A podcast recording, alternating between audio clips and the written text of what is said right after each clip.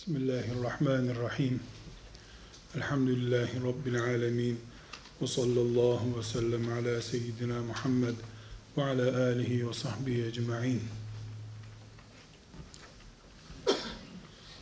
Aziz dostlar, bugün topraklarımızdan birisini konuşacağız. Osman Bey ya da Osman Gazi.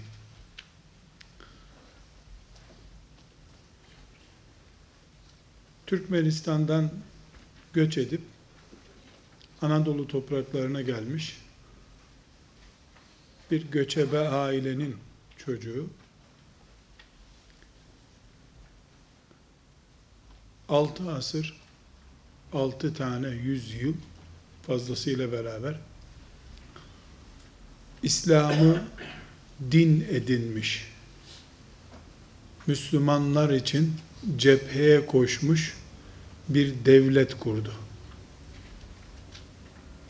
Canını kurtarıp rahat yaşamak için topraklarından göç ettiler. Canlar kurtaran işler yaptı. Kurduğu devlet önce aşiret devletiydi. Bütünü 400 çadırla yola çıktılar. 400 çadırlık göçebe bir aile. Şimdi göçebe kalmadı ama yaylaya giden insanlar görüyoruz. Bahar ayı olunca işte inekleriyle, koyunlarıyla yaylaya gidiyorlar. Öyle bir olay. Kalktılar, Anadolu'ya geldiler. Takva Müslüman bir insanın torunu geldi ve kendi beyliğini kurduğundan sadece iki asır geçmeden kısa bir zamanda Resulullah sallallahu aleyhi ve sellem Efendimizin en büyük arzularından birisi olan İstanbul'u torunlarından birisi fethetti. Bugün çok önemli büyük hakikatlardan birisi olarak Osmanlı devletinin Osmanlıların yani Osman Bey'in Gazi Osman'ın torunlarının kurduğu devletin devlet olarak İslam'a en uzun zaman hizmet eden aile olma özelliği vardır. Başka hiçbir aileye Allah bunu nasip etmemiş. Abbasiler Efendimiz sallallahu aleyhi ve sellemin akrabaları, amca çocukları, onlar da devlet kurdular. Onlar altı asır ayakta duramadılar. Üç asır durdu, duramadı, gittiler. Emeviler, onlar da Resulullah sallallahu aleyhi ve sellem Efendimizin e, kabilesi olan Kureyş kabilesinin çocukları 130 sene durabildiler. Selçuklular, onlar da gerçekten şanlı hizmetler yaptılar. E, bilhassa e, batinilik hareketine karşı yani bu e, Orta Doğu'yu doğudan kuşatan sıkıntılara karşı Selçuklular çok güzel hizmetler yaptılar.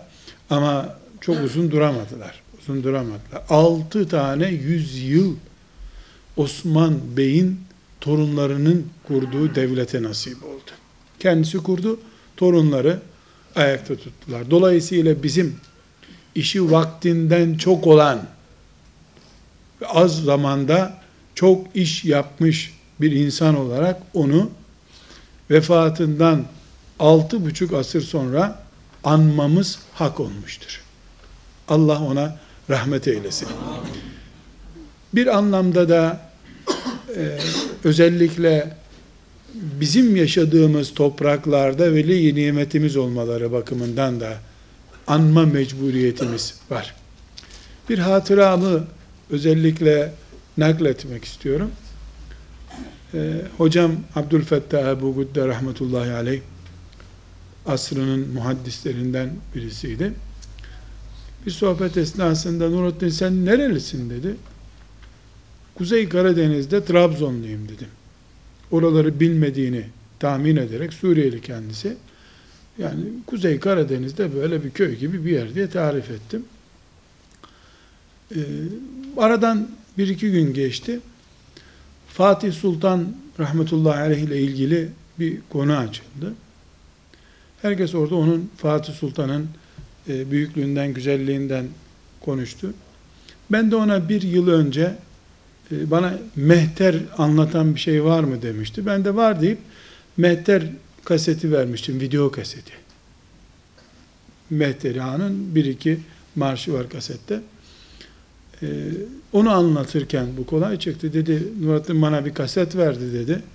Onu dedi akşam koydum izlemek için dinle bir daha din. 25 dakikalık bir kasetti. Sabaha kadar onu dinlemiş. Az kalsın fethiye çıkıyordum dedi. Çok heyecanlandım dedi.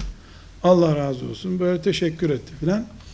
O arada e, orada bulunanlar Fatih Sultan rahmetullahi aleyhin e, çok sevildiğinden hala işte İstanbul'da semte isim olduğundan filan bahsederken döndü bana dedi ki Nurattin dedi sen dedi e, Fatih Sultan'ı seviyor musun dedi.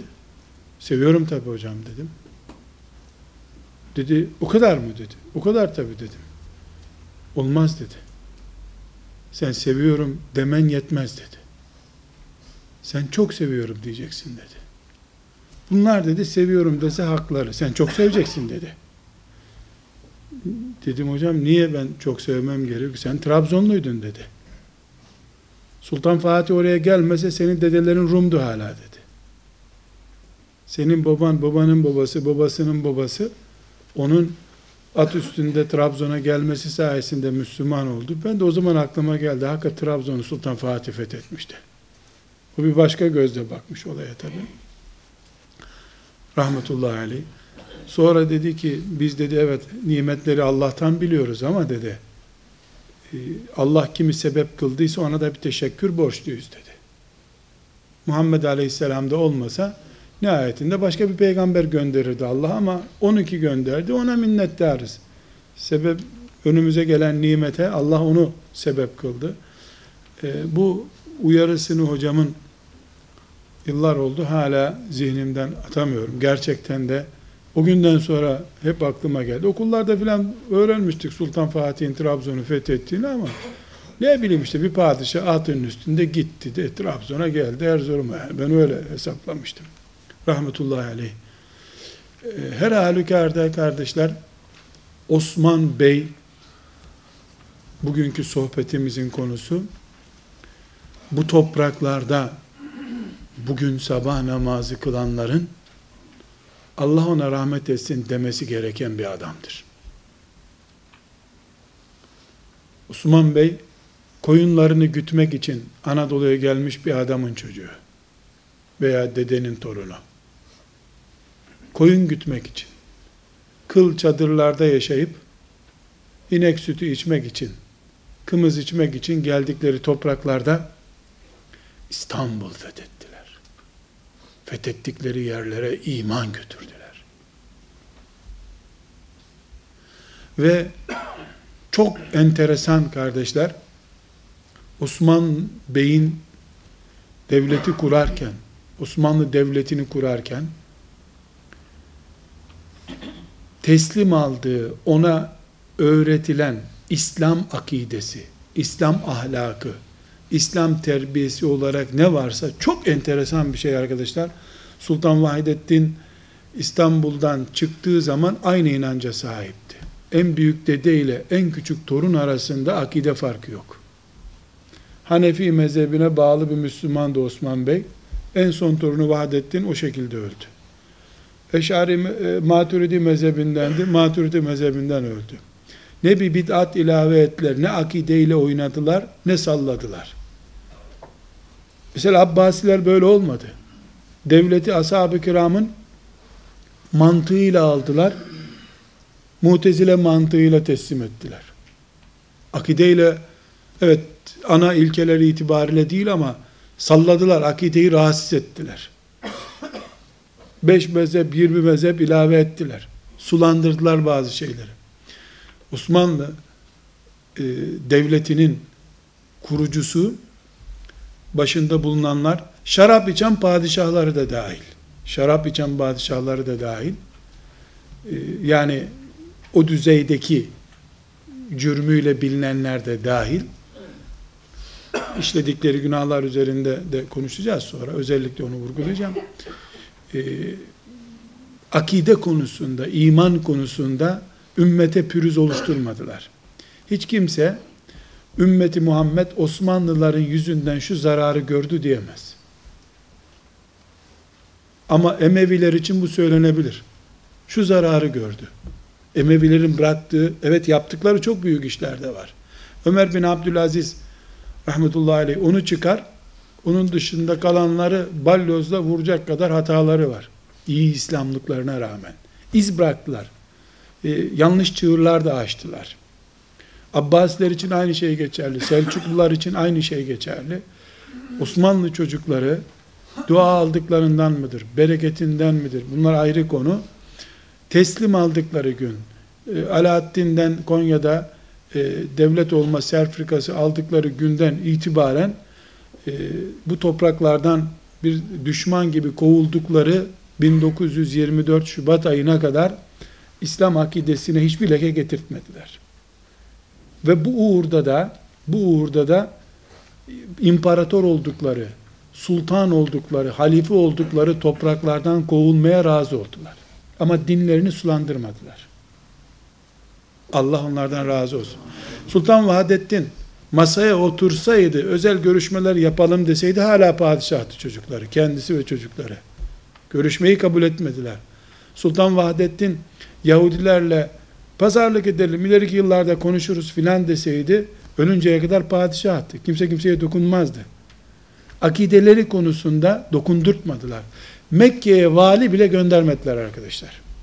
Mekke yönetimlerinde oldu.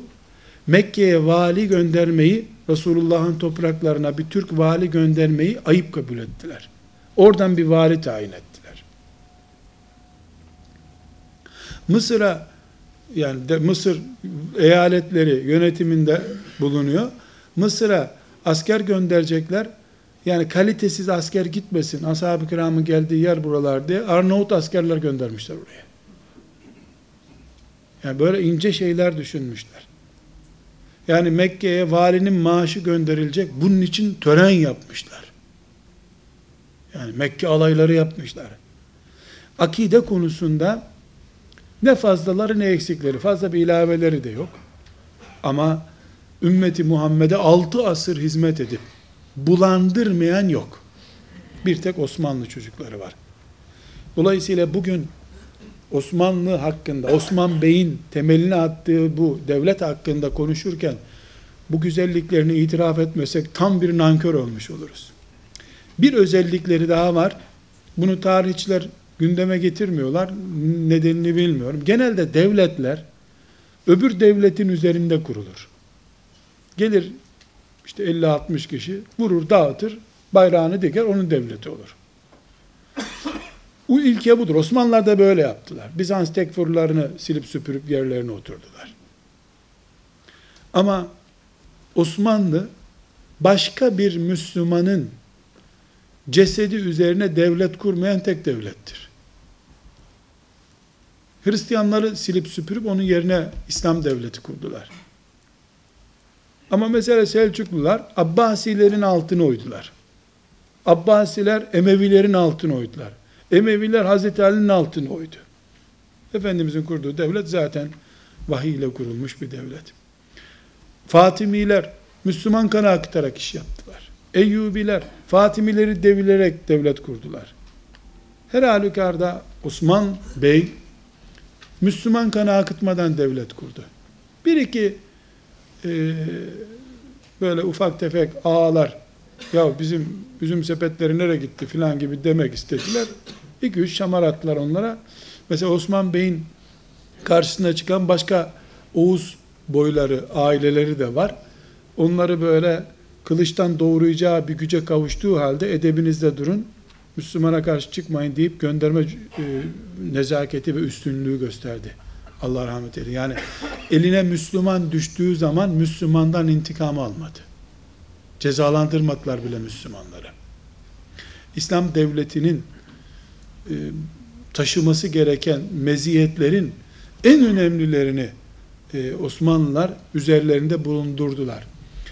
E, parola adına bile olsa, yani parola maksatlı, işte siyasi bir slogan gibi algılanması mümkün bile olsa, Osmanlı padişahları ilahi kelimetullah diye bir hedefle yola çıktılar.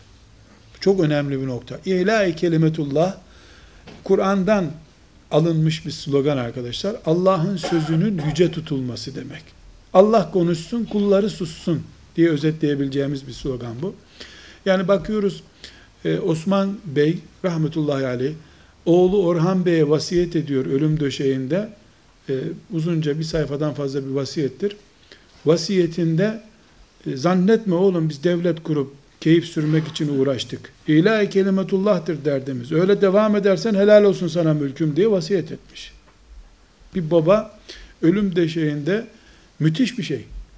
Yani çocuğuna vasiyeti davan ilahi kelimetullah'tır. E Sultan Fatih'e bakıyoruz. Dördüncü, beşinci kuşaktan torunu Osman Bey'in. E, o da e, maksadımız Allah yolunda cihattır. Bizim derdimiz toprak kazanmak değildir diyor. Aşağı doğru iniyorsun. Ümmet anlayışı, Allah için iş yapma anlayışı bir alimin ağzından çıkacak kapasitede kaliteli sözlerle beyan ediliyor.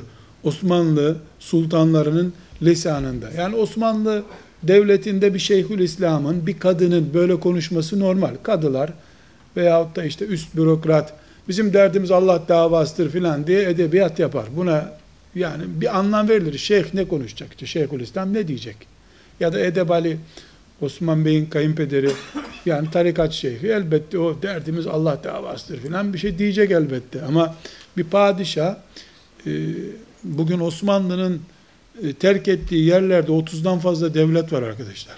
Şaka maka bir kenara bunların hepsi yani şöyle kaş işaretiyle e, on binlerce askerin e, hizaya dizildiği bir devlet başkanı. Yani imparator kelimesi bize ait değil. Onun için kullanmak istemiyorum ama imparator adamlar. İmparatorluk çökertmiş imparatorlar. Yani büyük çapta kudretli e, insanlar. Ama hedefini Allah rızası olarak açıklıyor. Dördüncü Murat e, yarı deli dolu bir sultan. Yani epey de kırmış, dağıtmış, bir şeyler. Yani pek rahat durmayan bir tip. E, sigarayı yasaklamış, kendi sigara içmiş vesaire. Böyle bir tip yani, tip bir adam. Ama onunla ilgili hatıratlara bakıyorsun. Toplantı yapılan bir yerde işte Muhammed kelimesi geçince ayağa kalkıyor sallallahu aleyhi ve sellem deyip oturup konuşmalarına devam ediyorlar. Yani Bertuş takımında bile bir edep var. Peygamber aleyhisselama karşı bir edep var. Sultan Fatih'in yaptırdığı hisara bakın. Kuş bakışı bakılınca Muhammed yazısı okunuyor ondan. Yani sur yapıyor. Bir yandan fethedecek. Yaptığı surun projesini uzaktan bakıldığında M harfi var, H harfi var, Muhammed diye okunuyor. Bir peygamber aşkı, bir sevdası, İslam düşüncesi gerçekten damarlarına sinmiş. Ama çok önemli bir nokta, bizim 6 asır süren bu büyük devletin temeli çok güçlü arkadaşlar. Yani Osman Bey'in e, hareketi, Osman Bey'in adımları sağlam olmasa 6 asır devam edemezdi. Osman Bey de çok güçlü. Takva güçlü, takva adam. Alim değil, alime hürmetkar. Mesela oğluna e, vasiyetinde, Orhan Gazi'ye vasiyetinde işte önemli şeyler vasiyet ediyor. Sakın alimlere danışmadan bir iş yapmıyorsun diyor. Ve oğlunu adam olup olmayacağını test ederek onu yerine vekil bırakmış. Fethe göndermiş onu. Kendi ağır romatizmal bir hastalıktan ölmüş. Ayağa kalkıp kalkanını tutamayacak hale gelince yatmış. Yatarak günler geçirmiş bir miktar. E, oğlunu vekil bırakacak e, denemiş çocuğu. Para çalıyor mu çalmıyor mu diye. Değil. Şu kadar birlik al, Bursa'yı fethet gel bakayım demiş. Çocuk Bursa fethi haberi getirince tamam sultansın benden sonra demiş. Beysin demiş. Yani adamların oyuncağı fethi bir yeri fethedebiliyorsan, işte şu kadar Hristiyan Müslüman oluyorsa adam sayılıyorsun. Böyle bir anlayış zihninde oturmuş. Yani Osmanlı'nın İstanbul'u fethetmesi, e, Viyana'ya kadar İslam götürmesi, bugün e, İslam toprağı olarak bilinen yerlerde en azından İslam'ı asırlarca canlı tutmasında elbette mesela Sultan Fatih'in İstanbul'u fetheden biri olarak hak sahibi, dua, bereket her şey onun üzerine ama Sultan Fatih tayinle gelmedi. Bir babanın çocuğu, o baba birisinin, o baba birisinin, o baba birisinin çocuğu. Yani temelleri sağlam atılmış bir aileden geliyor Sultan Fatih. Eğer Sultan Fatih beşiği sallanırken sur niyetine beşiğini sallamasaydı dadısı Sultan Fatih mi çıkardı ortaya? 8 yaşında takım tutmaya başlasaydı Sultan Fatih'te 12 e, yaşında da e, Bizans takımıyla mı maç edecekti? Yani o beşik sallanırken her şey sallanmıştı zaten. Süt değil, barut doldurmuş annesi karnına sanki. Mesele arkadaşlar aile meselesi. Yani Osman Gazi de rahmetullahi aleyh e, ciddi bir Ertuğrul'un oğlu. Öyle Ertuğrul da şaka bir adam değil.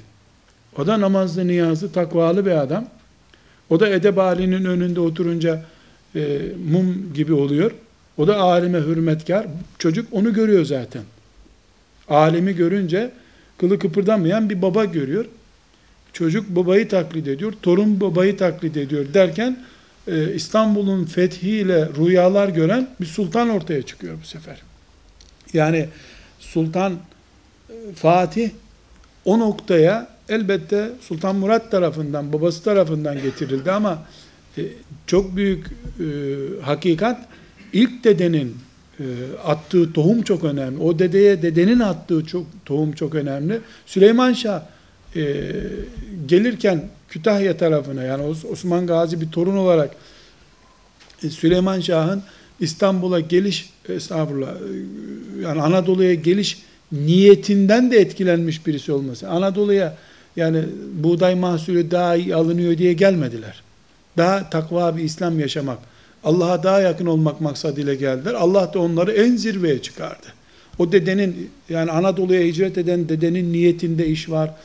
O onların evliliklerinde iş var. Yani 19 yaşında Edebali'nin kızıyla evlendiğindeki e, Osman Bey'in düğünü, manzarası filan bile bugün hocalar olarak, alimler olarak Müslümanların önündeki duranların bile cüret edemeyeceği kadar İslam'a yakın İslami tavırlar. Önünde engel yok halbuki. Yani e, beysin sen ve oğlun evleniyor işte. Üstelik de Bizans tekfurlarının e, kafasını koparmış bir adamsın yani bir imparatorluğun e, karşısında dik duran bir beyliksin sen. E, yarıda böyle eşkıya mantıklı bir hayat yaşanıyor zaten. Kim karışacak senin düğüne? Düğün bile takva esaslar üzerine yapılmış. O düğünden e, Osman, Orhan Gazi doğmuş, ondan Yıldırım doğmuş, ondan Şimşek çıkmış, ondan e, Cihat çıkmış. Yani böyle enteresan bir e, akış var. Bu akışın temelinde ilk ihlas var. Bilhassa Osman Bey. Çünkü öncekiler zaten göçebeydi, hicret etmiş adam mecbur takva hayatı yaşayacak. Yani günah işlemekten de korkuyor olur. Ama Osman Bey e, Bizans'ın karşısına dikilmiş güçlü bir adam.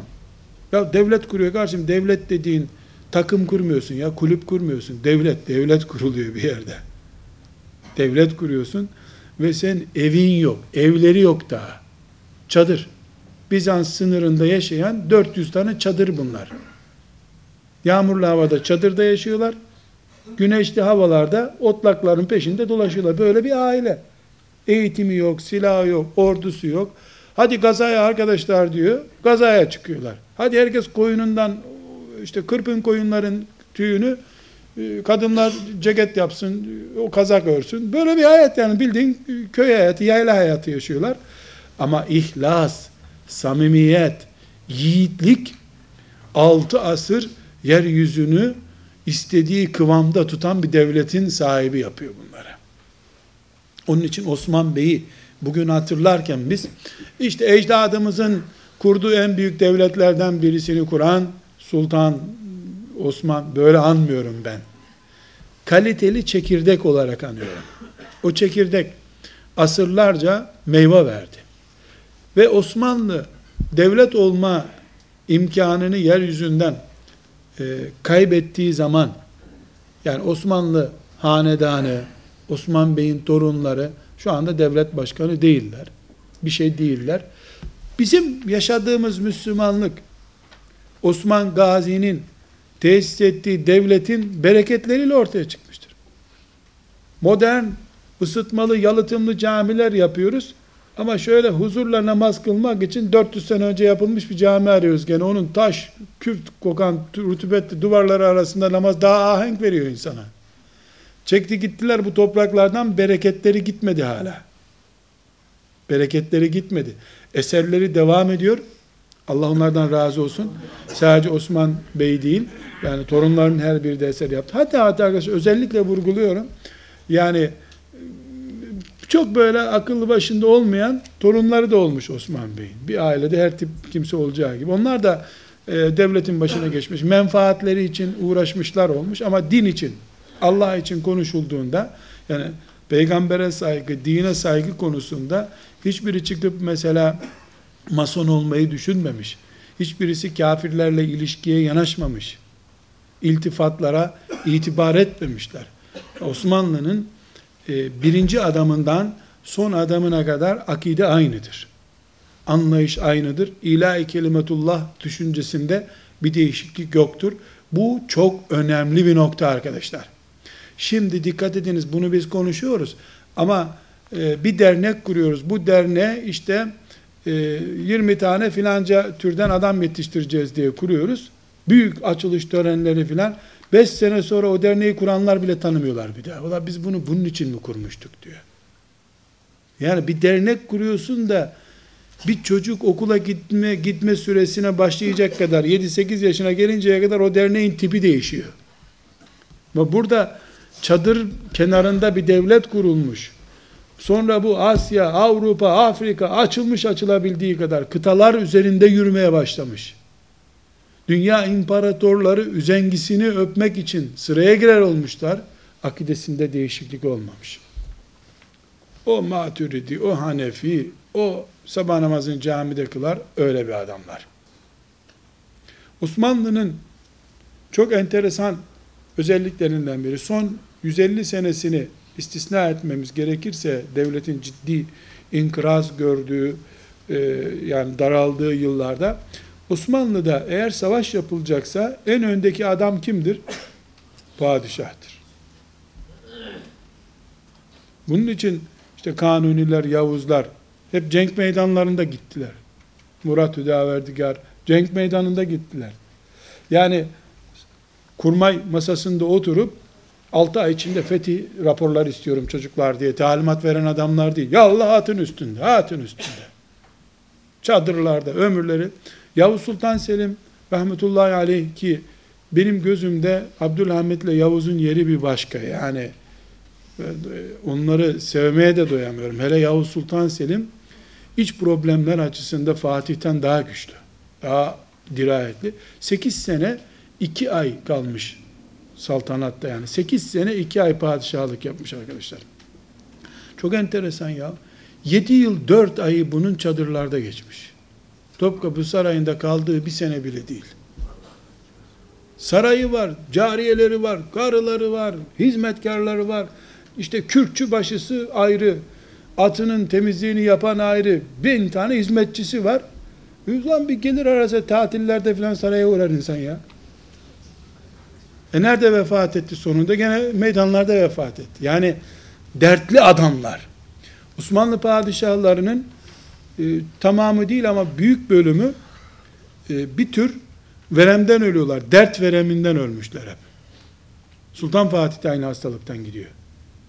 E, bir dertleri var. Ümmeti Muhammed diye bir dertleri var adamlar. İlahi kelimetullah diye bir hedefleri var. Yani bir insan Müslümanlığa ulaşsın diye, bir insan daha kelime işareti tanısın diye yıpranmışlar. Sağlıklarıyla, kendi hayatlarıyla oynamışlar. Bunlar takdir edilmesi gereken şeyler. Ama e, şüphesiz kardeşler, e, biz ashab-ı kiramı bile konuşurken, Ebu Bekir gibisi yoktu diyoruz. Ne demek Ebu Bekir gibisi yoktu? Halit Ebu Bekir'in ayarında değildi. Niye? Aynısını yapamadı. Yani ashab-ı kiram bile Allah hepsini sevdiği halde aralarında fark var. Kalite farkı var. Bazıları pot kırmış, bazıları yanlış yere basmışlar. Allah affetmiş ayrı bir konu. Osmanlı'yı da kökten sevmek akidemize terstir bizim. Bunu yapamayız biz. Hiçbiri Sultan Fatih değil bir defa. Hiçbiri Osman Bey değil. Yani Yıldırım Beyazıt'la Yavuz farklı insanlar. Abdülhamit ile Abdülmecit farklı. Sultan Abdülmecit veya Sultan Abdülaziz veya filanca vefat ederken bir miras bırakmış. Osman Bey dedesi de ölürken miras bıraktı. Arkadaşlar Osman Bey'in e, bıraktığı miras bir sürü koyun. Yani koyun sürüsü var bir tane. Onu da e, misafirlerine ikram etmek için işte o töre usulü misafire koyun kesiliyor ya gittiği yere koyun sürüsüyle gidermiş. Orada bir misafir görünce ziyafet verin bize hemen koyun kesiyorlar. Ziyafet veriyorlar. Bir sürüsü var. Kaliteli bir atı var. Ondan sonra mızrağı var. Bir de kılıcı var bu kadar. Miras yok başka. Ama Dolmabahçe Sarayı yapılırken 14 bin kilo altın suyu kullanıldı arkadaşlar. 14 bin kilo. 14 bilezik demek oluyor değil mi? bilezik değil arkadaşlar. Ton ton. Hala su varilleri böyle hani mesela 14 ton bir petrol tankeri demek arkadaşlar. Hala gözümüzün önünde saraya. Sonradan TC'nin o kadar parası olmadı onu tamir etmek için bile. Yani dökülmesin onlar diye uğraşıyor. Boya olarak duvarları, kapıları boyamak için altın kullandılar arkadaşlar. Ki aynı dönemde Anadolu'da Müslüman halk açlıktan ölüyordu. Fransızlar e, doğuyu, İngilizler başka bir yeri, İtalyanlar güneyi tarumar ediyorlardı. Yani padişah oradaki askerine e, ikram edecek yiyecek bulamıyordu. Askerine miğfer yapamıyordu ama burada altından yapıyorlardı. E, dolayısıyla Allah Osman Bey'in takvasına ve dünyaya tenezzülsüzlüğüne dünyayı verdi. Eline imkan geçince o dünyada altından saray yapmaya kalkandan hepsini aldı. Kanunu bu Allah'ın. Şımaranı affetmez. Yavuz Sultan Selim yani e, heybetiyle gelse bayağı bir Osmanlı ağası denir. Üstünde kılık kıyafeti yok bir adam. Sultan Fatih'in, Yavuz Selim'in, Kanuni'nin elbiseleri Topkapı Sarayı'nda. Yani Fatih Sultan biraz yakışıklı bir tip, böyle üstü başına da dikkat ediyormuş miktar. Yavuz öyle de değil. Ama geçtiği yerlerde ordusu kılıç kullanmadan iş bitirmiş. Adı yetmiş dünyaya. Ya 8 senede arkadaşlar Yavuz'un planlarına bakın. Bir defa e, Safavileri İran tarafındaki fitneyi temizlemiş. Gitmiş Mısır'da Memlükilerin sulandırdığı hilafet müessesesini almış İstanbul'a taşımış. Devlete bir çeki düzen vermiş. Anadolu'da operasyonlar yapmış. Yani bilhassa iç İslami iç sorunlar açısından Yavuz dönemi çok güçlü bir dönem. Allah rahmet eylesin. Bütün bu çalışmalar yapılmış ama böyle bir deptebeli sofraya da oturmamışlar. Hizmet maksadı. Evet Osmanlıların biz İslam'a olan hizmetlerini hele hele hele hele bizim onların eliyle imanla şereflenmiş olmamızı milyon kere nimetle yad ederiz. Allah onlara rahmet eylesin. Lakin bu kökten bağlanmak değildir. Hataları da olmuştur. Zaten hataları olmasa Allah onları kaldırmazdı. Belli hataları oldu.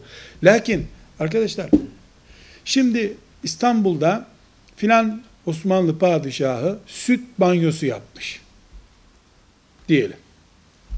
Bu harem ağası dedikleri bir şey var. Harem olayı var ya şimdi Osmanlıların sarayında haremler vardı filan karılarıyla kızlarıyla aynı odada oturmaya alışmış bilmem neler kadınlar için özel oda yapılmasından rahatsızlar. Yoksa başka bir şey yok. Harem odası dedikleri şey erkeklerin oturduğu misafir salonu ayrı, kadınların oturduğu misafir salonu ayrı. Yani bunu adamlar şimdi orada bir kadın dünyası dönüyordu gibi lanse etmeye çalışıyorlar. Dilleri kurusun. Ne diyeyim ya? Diyecek başka bir şeyimiz yok. De bunu Müslümana da söylettiriyorlar. Yani Müslüman da güya ayıplıyor ayrı bir konu. Yani burada tabii çok gençler var onun için fazla da ileri konuşmak istemiyorum. Bir karıyla baş edemeyen adam dünyayı hükümran olmuş bir erkek padişahın dört karısının olmasına tahammül edemez tabii. Aklı almaz ki onu zaten. Yani ulan bu biriyle uğraşamadık bu dördüyle, cariyeleriyle nasıl uğraş? Karşı bunu sen doktora sorsan niye biriyle uğraşamadığını. Yani adam uğraşabilmiş. Allah Allah. Nesil yetiştirmek diye derdi var adamın. Yönetici yetiştirmek istiyor. Nasıl Yavuz Sultan Selim'i e, Trabzon'a gönderdiler. 10 yaşında çocuk orada devlet idare etmeyi öğrendi. Kastamonu'ya gönderdiler. E, işte filan yere gönderdiler. Amasya'ya gönderdiler. Orada padişah olup geldiler. Yani adamların derdi var. Nesil yetiştirecekler. Ama bunların hepsi arkadaşlar hatalarının olmadığı anlamında değil. Mesela işte çocukken bize öğrettikleri sütten banyo yapıyorlar. Şimdi düğünlerde e, para yağdırıyorlar insanlara. O sütün bin katı masraf yapılıyor. Niye ayıplamıyor kimse? Şimdi sultanlardan bir tanesinin çocuğunun sünneti için bu rakamıma çok dikkat edin arkadaşlar. Çok dikkat edin. Sultan bilmem kim çocuğu için tören yaptırmış, sünnet töreni yaptırmış. Yani bunu çingenelere mi kestirecekti çocuğunun birbirine? Yani yaptırır tabii koca sultan kardeşim Allah verdiği nimet kadar da kulun e, nimet görmesinden hoşlanıyor. Yaptırmış. Yani o masrafı o zamanın bu zamanın değeriyle ölçün. Şimdi bir zenginin çocuğunu sünnet ettirmek için lüks otellerde yaptığı sünnet töreninin otopark parası kadar değildir arkadaşlar. Törene çağrılıyorsun bilmem ne oteline gidiyorsun. 20 e, milyon otopark parası alıyorlar senden bir saat için. 200 araba gelse oraya o otopark parası o padişahın bütün çocukları cariyelerinin masrafından fazla. Ama tabi elinde konuşacak borusu olanlar istediği gibi borusunu öttürüyor. Ee, çok böyle ortada yaşamaya alışmış Müslüman da bunu doğru haber diye, doğru bilgi diye bunları dinliyor. Mesela işte örnek padişah süt havuzu yapmış, onu süt doldurmuş, yüzmüş içinde. Tamam. Bu vakı ise böyle bir olay ortaya çıkmışsa el hak yanlış bir şey bu. Sultan Fatih bunu yapmadı ama arkadaşlar. Yavuz da kanunu da böyle şeyler yok. Hep kanuniden sonra. Kanunun da suçu Yahudileri Osmanlı toprağına soktu. Osmanlı toprağına açtı. Endülüs'ten kovulan Yahudileri Osmanlı toprağına soktu. Onlar da para fitnesini Müslümanların gözüne soktular. Ve bu işler böyle oldu. Ondan sonra bir daha böyle düzelmedi. Mesela Kanuni en muhteşem Süleyman diye anlatılır. Şimdi mesela özellikle e, Amerika'ya filan Osmanlı Sarayı çağrıldı. İşte Amerika'da Osmanlı e, müzesi açıldı filan hep Kanuni'ye aittir bunlar. Kanuni'ye hayrandırlar. Kimse Sultan Fatih'in adını anmaz Amerika'da. Niye? İşte dediğimiz gibi Kanuni Yahudilere merhamet etti. Allah affetsin onu da bizi de hepimize merhamet edecek bir köpek mi bulamadı sokaklarda ama etti işte. Büyüklük bunu gerektiriyor bazen. Bazen de büyüklük bunu gerektiriyor. Büyük devletsin sen. Dünyanın öbür ucunda Avrupa'nın dibinde binlerce insanı Engizisyon mahkemelerinde kesiyorlar. E, haber gönderiyorsun gelsinler diye çiftlik veriyorsun onlara. Büyüklük bu. Ama sonra idare edemeyenlerin asas suç tabi. Vur dizginlerini atarım sizi yarın da adamlar kovulmaya alışmış zaten. At gitsin. 10 tanesini atsan gerisi düzelecek. İngiltere bile Yahudilerle baş edemedi. Gemiye doldurup okyanusa attı onları. Çünkü bulundukları yerde ya kesiyor ya doğuruyor bir şey yapıyor. Rahat duramıyor adam. Allah ısırmak için yaratmış. Yani akrep. Başka bir niyeti yok. Onun için yaratmış. Şimdi her halükarda şunu düşüneceğiz. Osmanlıların padişahlarının toplam cürümlerini hesap edelim. Neler yapmışlar? Sütten banyo yapmış, çocuğu için tören yapmış. Dolmabahçe Sarayı'na altın harcamış. Ve topla topla bunları bir dosya yap. Bunların hepsini dosya yapalım. 50 sene Tito'nun komünizminde ezan okuyup namaz kılan tek bir Müslüman Yugoslav için değer miydi? Bunlar değmez miydi arkadaşlar? Balkanlara İslam'ı götürmüş bir aile bu. Komünizm, Bolşevik tankları geçti. Rusya'da, Sırbistan'da, Üsküp'te Müslümanların üzerinden hala İslam taptaze ayakta elhamdülillah. Bütün dünya toplanıp oradan İslam'ı silmeye çalışmadılar mı 10 sene önce? E bu o sütten banyo yaptıran adamların çocukları işte. İslamiyet'i oraya götürdüler. Yani adalet, ahlak ve vicdan dengeli konuşmayı gerektirir. Yani bu evet sütten banyo yaptırmış. Filan günde hizmetçisini dövmüş. Filan kadını boşamış da filanca ile. Tamam bunların hepsini topla kocaman bir dosya olsun. Balkanlardaki İslam'ı ayakta tutmaları, orası hiç İslam'la ilgisi yokken oraya İslam götürmeleri kaç para eder? Bunlar kaç para ederdi? Bunlar bir defa bireysel suçlar. Yani israf etmiş, yanlış yapmış. Kendisi Allah'ın huzurunda hesabını verecek. Karısını dövmüş, çocuğunu dövmüş. Bunlar Allah'a vereceği hesaplar. Ama oradaki ümmeti Muhammed'in karakteriyle ilgili, ümmetin çoğalması ile ilgili, gökyüzüne yükselen ezan sesleriyle ilgili bir olay. Müthiş fark var ikisi arasında. Bunun için biz Osmanlı'yı konuşurken evliya, ashab-ı kiramdan değerli, bizim dedelerimize toz dokundu mu? Böyle demeyiz. İnsandılar deriz. Müslümandılar, insandılar. Hele hele bizden iyi kardeşim. Tartışacak bir şey yok. O Osmanlı'nın yani şarap kullanan padişahları bile Efendimizin hanımlarına e, söz geçittirilebilir miydi onların yanında? Yavuz Sultan Selim bir defa duydu Hazreti Ayşe iftira ediyor Şiiler, Aleviler diye. Tuttu buradan 30 bin kişi kesti İran'a gidene kadar. Peygamber sevgisi bu. Biz oturuyoruz sabaha kadar Efendimiz'e, dinimize, akidemize söven programları televizyonda seyrediyoruz. Sabahleyin gelince de güya üzülmüş oluyor adam. Çok gergin. Yani evet Osmanlı'nın hatasızlığını iddia edemeyiz. Bu hiç kimse için iddia edilmez zaten. Bu bir sapıklık türü. Peygamber mi? Evet. Hata yok. Bitti. Yok. Allah koruyor çünkü. Değil mi peygamber? Değil. Edebilir hata. Az eder, çok eder, bugün eder, yarın eder, hata eder. Masum değil. Kemal sıfatı Allah'a mahsus. Hiç kimse süper olmuş, bitmiş değil. Hepimiz hamız. Osman Bey de hamdı. Sultan Murat da handı. Sultan Yıldırım da han, hamdı. Ham ham devam ettik. Olgunlaşan oldu, olgunlaşamayan oldu. Ama biz dengeli bakarız. Benim dinime hizmet etmiş mi bu sülale kardeşim? Bütün dünya İslam'ı ezelim demek için kimi karşısına almış? Bitti.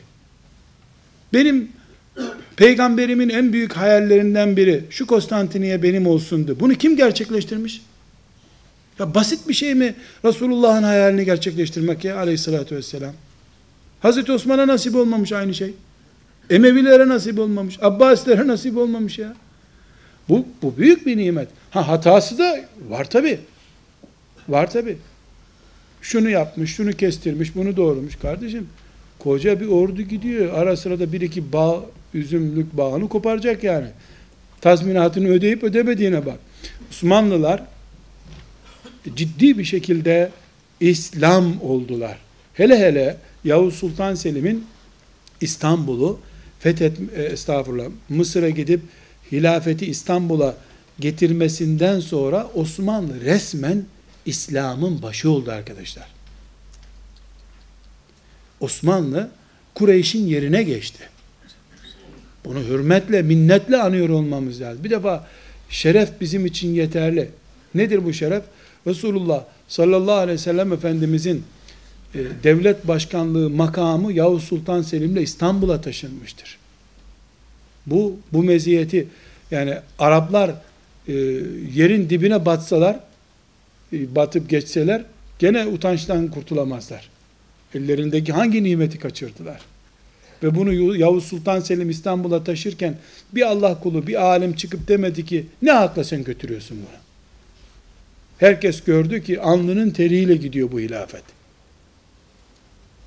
Şimdi tabi arkadaşlar bizim iletişim imkanlarımız, maddi imkanlarımız, derneklerimiz, vakıflarımız vesaire biz ayrı bir dünyada yaşıyoruz.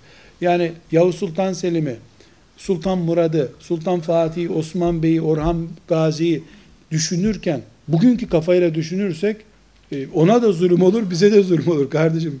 Biz başka bir hayat yaşıyoruz, onlar başka bir hayat yaşıyorlar. Evet, bazı kusurları var. Yani iç politikada kusurları var. İşte Bulgaristan'da Müslüman yapacağım derken kendi köylüsünü aç bıraktığı olmuş. Taktik hataları, hıyanetleri yok. Taktik hataları var. Hiçbir Osmanlı padişahı vezirlerinden görülmüş. Hatta Şeyhül İslamlardan mason olanlar var. Ama hiçbir Osmanlı padişahı bir ecnebi ile gizli görüşme yapmamış arkadaşlar. Sultan Vahdettin İngiliz elçisini sarayına çağırıp, çağırıp yaverine sen çık dışarı yavrum diye yarım saat görüşseydi e, İstanbul'dan gitmezdi Sultan Vahdettin. Özel görüşmeyi bile kabul etmediler. Niye? Kafirle baş başa kalınmaz dediler. Bu bir yiğitliktir. Kaderlerinde altı asır varmış. Dünyada kimseye nasip olmaz. Altı asırlık aynı aileden devam eden bir imparatorluk bile yok dünyada. Elden ele değişip duruyor devletler. Elhamdülillah böyle bir milletin bizden önce bu topraklarda bulunmuş olması ile iftihar ederiz. İftihar ederiz. Her birine Allah'tan rahmetler dileriz. Lakin kardeşler özellikle bir vurgulamada fayda görüyorum. Sultan Fatih'i bile bunca övülmüşlüğüne rağmen put yapmanın bir anlamı yok. Epey hatalar o da yapmış. Niye? Büyük iş yapan büyük hatalar da yapıyor. Yani devamlı böyle camide oturursan hiçbir hata yapmazsın tabi. Minare kimseye çarpmaz ki. At çarpar sana. Yürüyor devamlı çünkü. Cami minaresi gibi oturursan en sessizsin o. Sessizlik maharet değil. Bu fetihler yapmış. Elbette bu kalabalık hareket esnasında şimdi 6 asır sonra, 4 asır sonra, 2 asır sonra beyefendi oturmuş tarih doktorası yapmış hatalarını tespit etmiş. Hay Allah razı olsun senden. Hiç kimse onları görmemişti zaten. Yani şimdi bunları tespit etmenin bir manası yok ki.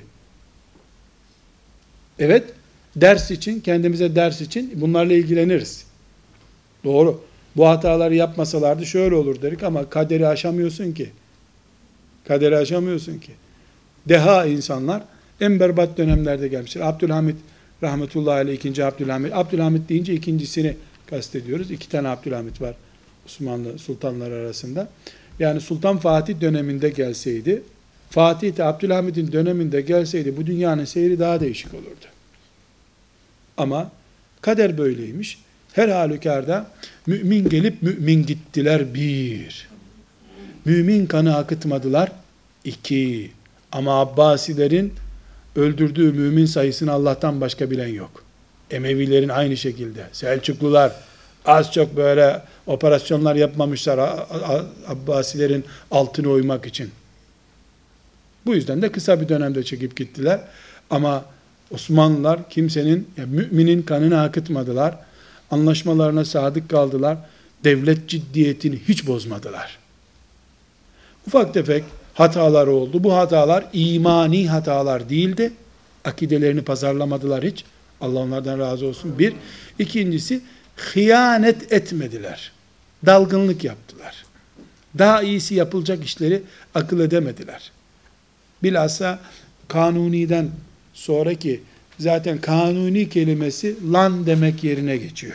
Kanuni ne demek arkadaşlar? Şeriatın önüne kanun maddeleri çıkarma eylemini ilk yapan adam bu. Yani ilk defa şeriat ilkelerini masaya oturan birilerinin önüne koymaya izin verdi.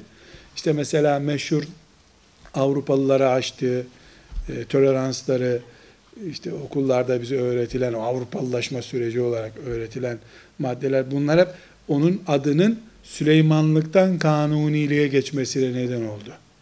O kanunilik hoş bir şey değil. Derler ki ölümüne doğru o da yani Şeyhülislam'ın fetvalarını getirin mezarımda bulunsun filan demiş. Da onlar kağıtlar insanı kurtaracak hali yok tabi. Yani yüz defa Şeyhülislam'a sormuş, 300 defa da tembih etmiş ama yaptığı şeyler için. Her halükarda o bile o bile e, bıraktığı camiyle anılsa yeter. Yani bıraktığı camileri vesaire. Her halükarda kardeşler bizim Osmanlı'nın topraklarında bulunmamız, torunu olmamız övünülecek bir meziyettir. Irkçılıktan dolayı değil. Dine olan hizmetlerinden dolayı. Çünkü Osmanlı sonu Oğuz boyundan olan var mı içimizde? Gerçi herkes Karamanlı şimdi. Siz başta Karamanlı zaten de. yani kuru Karaman mübarek nesil üretiyor. Canı sıkılan dedesi Karaman'dan otomatik Osman Bey'e bağlanıyor zaten. Laftır bunlar hepsi. Valla ben Karaman'dı, Beyazman'dı anlamam ben. Ben kelime-i tevhidde buluştum, dedem yaptım. Bitti, ben kurtuldum. Kelime-i tevhidde beraberiz. Hiç e, gerisi beni alakadar etmiyor.